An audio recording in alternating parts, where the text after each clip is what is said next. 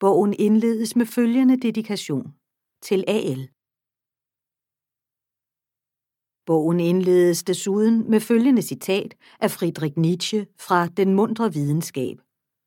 Men vi vil være vort eget livs digtere, begyndende med det mindste og det dagligste.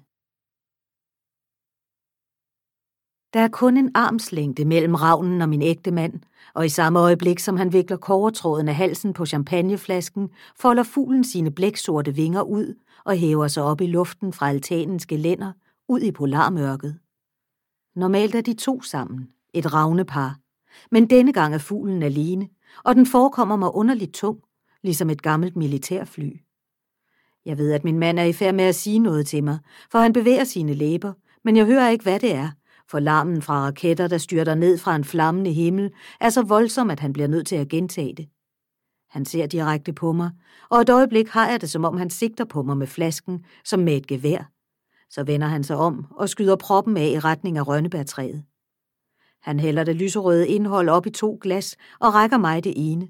Hånden ryster, og der går trækning over hans ansigt, som om han er lige ved at græde. Han står i den hvide skjorte i 10 graders frost, og det falder mig ind, at han fryser.